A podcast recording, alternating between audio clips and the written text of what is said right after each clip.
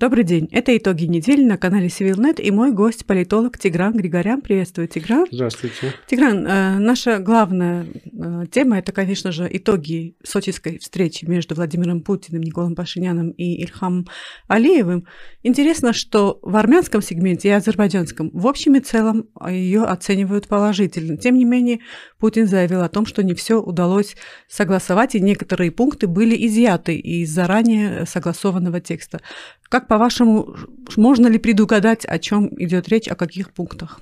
Мне кажется, все-таки эти ожидания, которые, которые были до встречи, не оправдались. Эм, встречу, в принципе, можно назвать провальной, потому что российская сторона, мне кажется, пыталась э, зафиксировать несколько важных пунктов в этом заявлении. И, как стало известно, и по заявлению Путина и по тексту э, заявления эти пункты не были включены э, в заявление.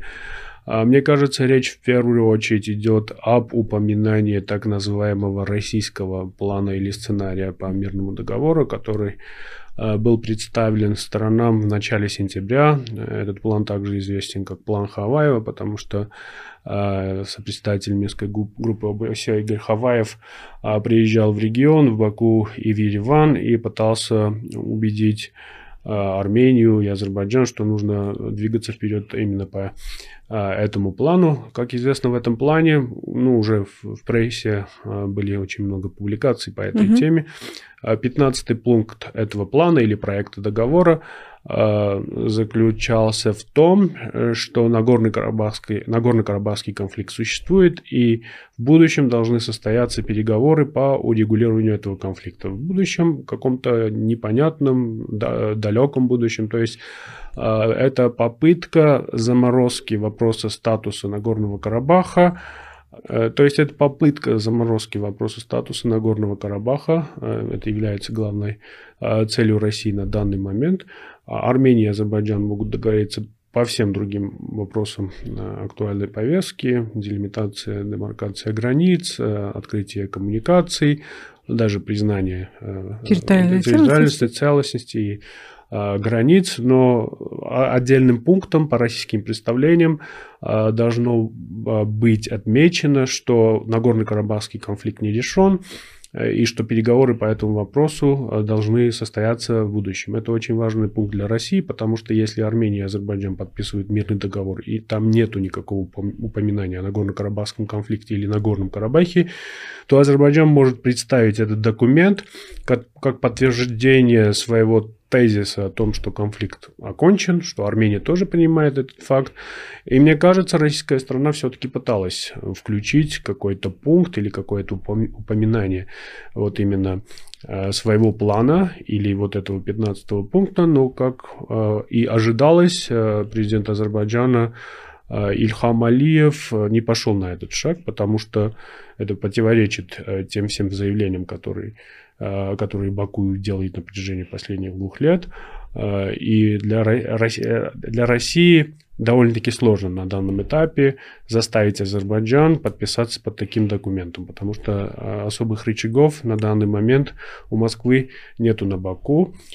И, конечно, тот факт, что даже Э, термин Нагорный Карабах э, не, не был... Не упоминается. Да, не упоминается в документе. Это тоже говорит о многом. То есть Азербайджан, мы знаем, что настаивает на протяжении последних месяцев, что вообще даже посторонние какие-то силы, третьи силы не должны использовать, э, использовать этот термин. И в этом вопросе тоже Россия пошла на поводу, на поводу. у Баку. Наверное, единственная маломальская Э, маломальски позитивным э, пунктом в этом заявлении для России и для армянских сторон является упоминание роли миротворческого контингента э, на Южном Кавказе, как мы уже отметили, даже не отмечают, что в Нагорном Карабахе. И для, со стороны Азербайджана это, наверное, единственный компромисс, потому что для Азербайджана мы знаем, что это тоже довольно-таки чувствительная тема. Э, Баку пытается э, добиться вывода миротворческих э, сил из Нагорного Карабаха как, как, как можно быстрее. И очень часто делаются заявления о том, что этот контингент находится на территории Нагор, Нагорного Карабаха временно. Угу. То есть то, что Азербайджан подписал Э, под этим пунктом, э, в котором говорится о важности и актуальности миротворческого контингента, это уступка со стороны Баку, но это, наверное, единственная уступка со стороны Баку в этом заявлении, в тексте этого заявления. И интересная констатация о том, что у а, Москвы нет каких-то рычагов воздействия и уж тем более давления. Что это означает, Тигран? Что, в принципе, Россия уже теряет э, роль такого арбитра и, возможно, в будущем такие встречи могут не проводиться? Не, мне кажется, все-таки такие встречи будут проводиться. Просто Россия потеряла свою монопольную роль. Мы знаем, что после окончания Второй Карабахской войны а, Россия являлась главным медиатором в нашем контексте, но из-за начала войны в Украине мы видим, что Запад активизировался, как Евросоюз, а в последний период также и Соединенные Штаты. А, Россия, а, у России значительно сократились возможности на Южном Кавказе, и у России появилась некая зависимость от Турции и от Азербайджана. То есть вот этот Э, диапазон э, действий возможных по отношению Азербайджана сократился очень. Если раньше, даже если мы посмотрим на начало, э, ну, на первое так, это российско-украинской войны, когда были вот известные события рядом с селом Парух угу. и вот с высотой Караглух, тогда Россия все-таки какие-то шаги предприняла. Эти шаги не были публичными, об этом мало кто знает, но какие-то инструменты давления на Баку тогда были. Об этом я бы не хотел публично говорить, но знающие тему люди знают о таких шагах. Но вот, например, когда в августе уже случилась эскалация в Нагорном Карабахе, Россия уже полностью играла какую-то пассивную роль. И сейчас мы видим, что с одной стороны, Россия с одной стороны не, э, не готова и не может обеспечивать безопасность ни в Нагорном Карабахе, а, ни на армяно-азербайджанской границе, mm-hmm. но с другой стороны требует от Армении, чтобы Армения двигалась по именно российскому сценарию. У меня следующий вопрос касался именно этого. Интересно, что публично, именно на публичном уровне эти выпады происходят именно в сторону Армении. Как мы помним на днях на Валдайском форуме, э, Путин довольно так э, прозрачно намекнул на то, что это именно Армения предпочитает так называемый вашингтонский вариант. Ну что ж, если это ваш выбор, то так оно и есть, но тем не менее именно ее возможности на данном, на данный момент ограничены. Как можно это понимать? Это просто, так скажем, э, можно найти козла отпущения в лице Армении или как? Ну, во-первых, начнем с того, что нет никакого вашингтонского варианта. Состоялась встреча секретаря Совета, секретаря Совета Безопасности Армении и помощника президента Азербайджана в Вашингтоне в конце октября, если я не ошибаюсь, или в конце сентября уже, наверное, неважно.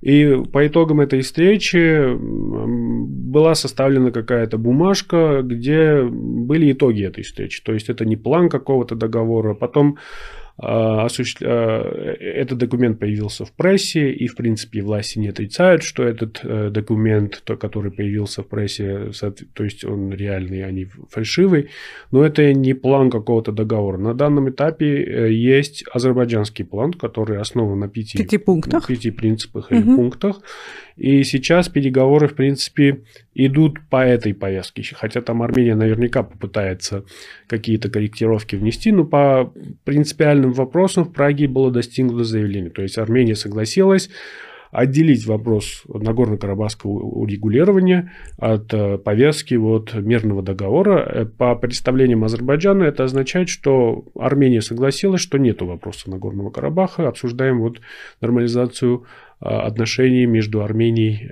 и Азербайджаном. Что касается выпадов президента Путина в сторону Армении, то да, это, можно сказать,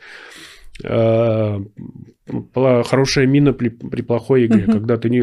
То есть понятно, что изначально российский план более выгоден для Армении, потому что этот план, по крайней мере, создает какую-то теоретическую возможность для проживания армянского населения в Нагорном Карабахе. То есть, если статус-кво, который существует сейчас, сохраняется, там остаются да. миротворцы.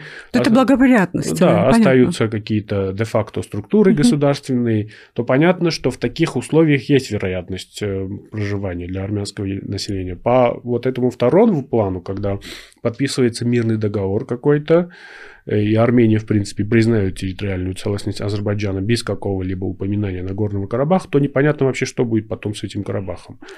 Э, и понятно, что для Армении изначально это было приемлемо. И когда Хаваев приезжал в регион в начале сентября, армянская сторона сразу же дала согласие на этот план. Азербайджанская страна, естественно, отказалась. То есть саботаж со стороны Азербайджана, понятно. Как вы оцениваете дипломатический ход Пашиняна, который, скажем так, направил мяч э, в сторону России после вот заявлений, валдайских заявлений Путина о том, что да, Армения готова принять э, российский вариант урегулирования, после чего уже произошла встреча в Сочи, которую мы увидели, итоги которые мы увидели. Да, это попытка перевести всю ответственность на российскую сторону. То есть вот армянская сторона, говорит Пашинян, готова на все ваши предложения. И даже он уже говорил еще о каких-то других предложениях, что можно там а, срок а, нахождения миротворческих угу, сил можно, да. договориться, чтобы на 15, на, на, на 20 лет. То есть угу. понятно, что Азербайджан не принял бы это ни, никакие, ни при каких условиях. Угу. Это делается, конечно, чтобы а, именно поставить вот российскую сторону э, в этом не, э, каком-то неприятном э, положении для себя, что в принципе объективно, потому что если Россия не может надавить на Баку, чтобы Баку принял вот эти свои предложения. То... И публично обвиняет Армению и в принятии публично. Вашингтонского плана, то да. да. То есть нечего, нечего пенять на Армению, если вы не можете какие-то мини, мини, минимальные условия или минимальные какие-то требования принудить э, Алиеву. Да, Понятно. Э, Тигран, чего ожидать от западного трека после этой встречи сочинской? Как мы понимаем, как вы отметили уже, как такового вашингтонского документа нет. Э, российский документ или российские предложения не принимаются азербайджанской стороной. Чего ожидать, скажем так, от Брюсселя? Есть ли какой-то согласованный документ? А, ну, сейчас, как кажется, идут активные уже э, субстантивные переговоры по тексту документов. Мне кажется, в ближайшем будущем, даже в ближайшие дни состоятся э, встречи на очень высоком уровне в разных столицах западных.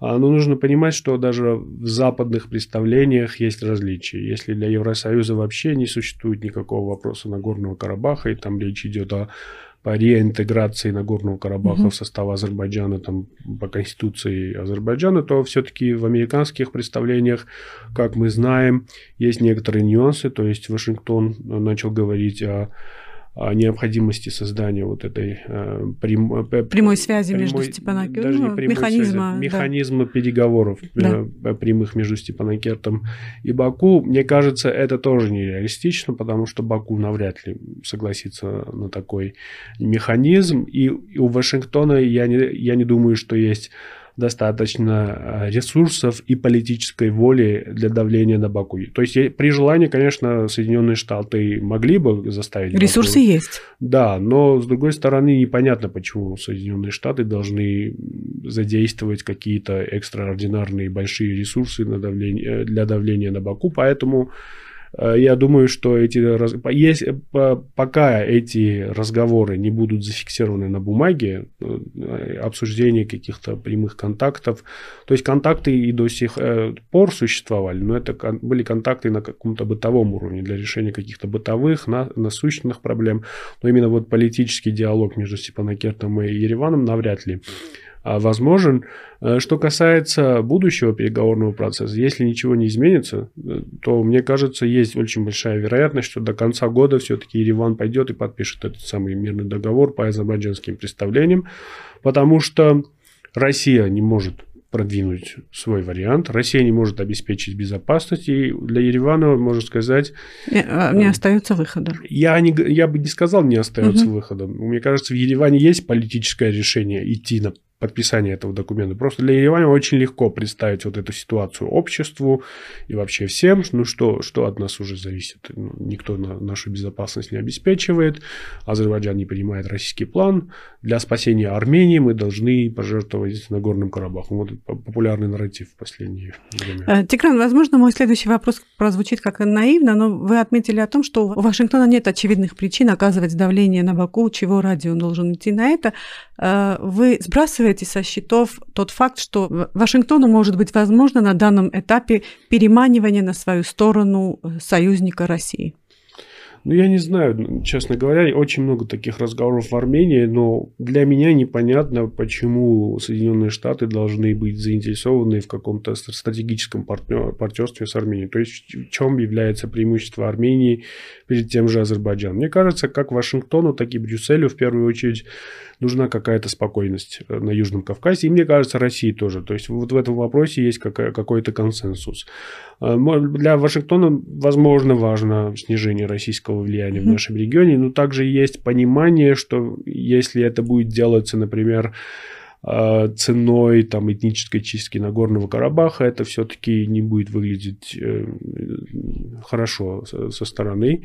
И поэтому, конечно, ведутся какие-то дипломатические усилия для того, чтобы не допустить, например, этнической чистки а, Нагорного Карабаха. А если там по Карабаху никаких конкретных договоренностей нету по безопасности, по правам, то понятно, что будет даже не этническая чистка, а люди просто добровольно уйдут оттуда. И никаких механизмов не будет, в принципе, введено со. Нет, да. сейчас не обсуждаются никакие да. механизмы, потому что Баку говорит, ну, как мы знаем, что нет вообще такого вопроса. Там... Это мое население, это мои граждане. Да, да, мы знаем, что Баку говорит, что даже армяне Нагорного Карабаха не являются самым большим меньшинством в Азербайджане, то есть этот нарратив, нарратив известен, но Думаю, все-таки, несмотря на то, что на публичном уровне э, Вашингтон и в, каком в какой-то мере Брюссель поддерживают вот эту повестку мирного договора, но мне кажется, все-таки э, там внутри тоже существует, э, существует озабоченность по поводу возможных последствий этого мирного договора, потому что Э, все понимают, что это, в принципе, не мирный договор, это не мирный процесс, это попытка э, принуждения условий одной стороны, другой стороны методом применения силы. Это понимание есть везде, мне кажется. Спасибо, Тигран, за Вам интересную беседу.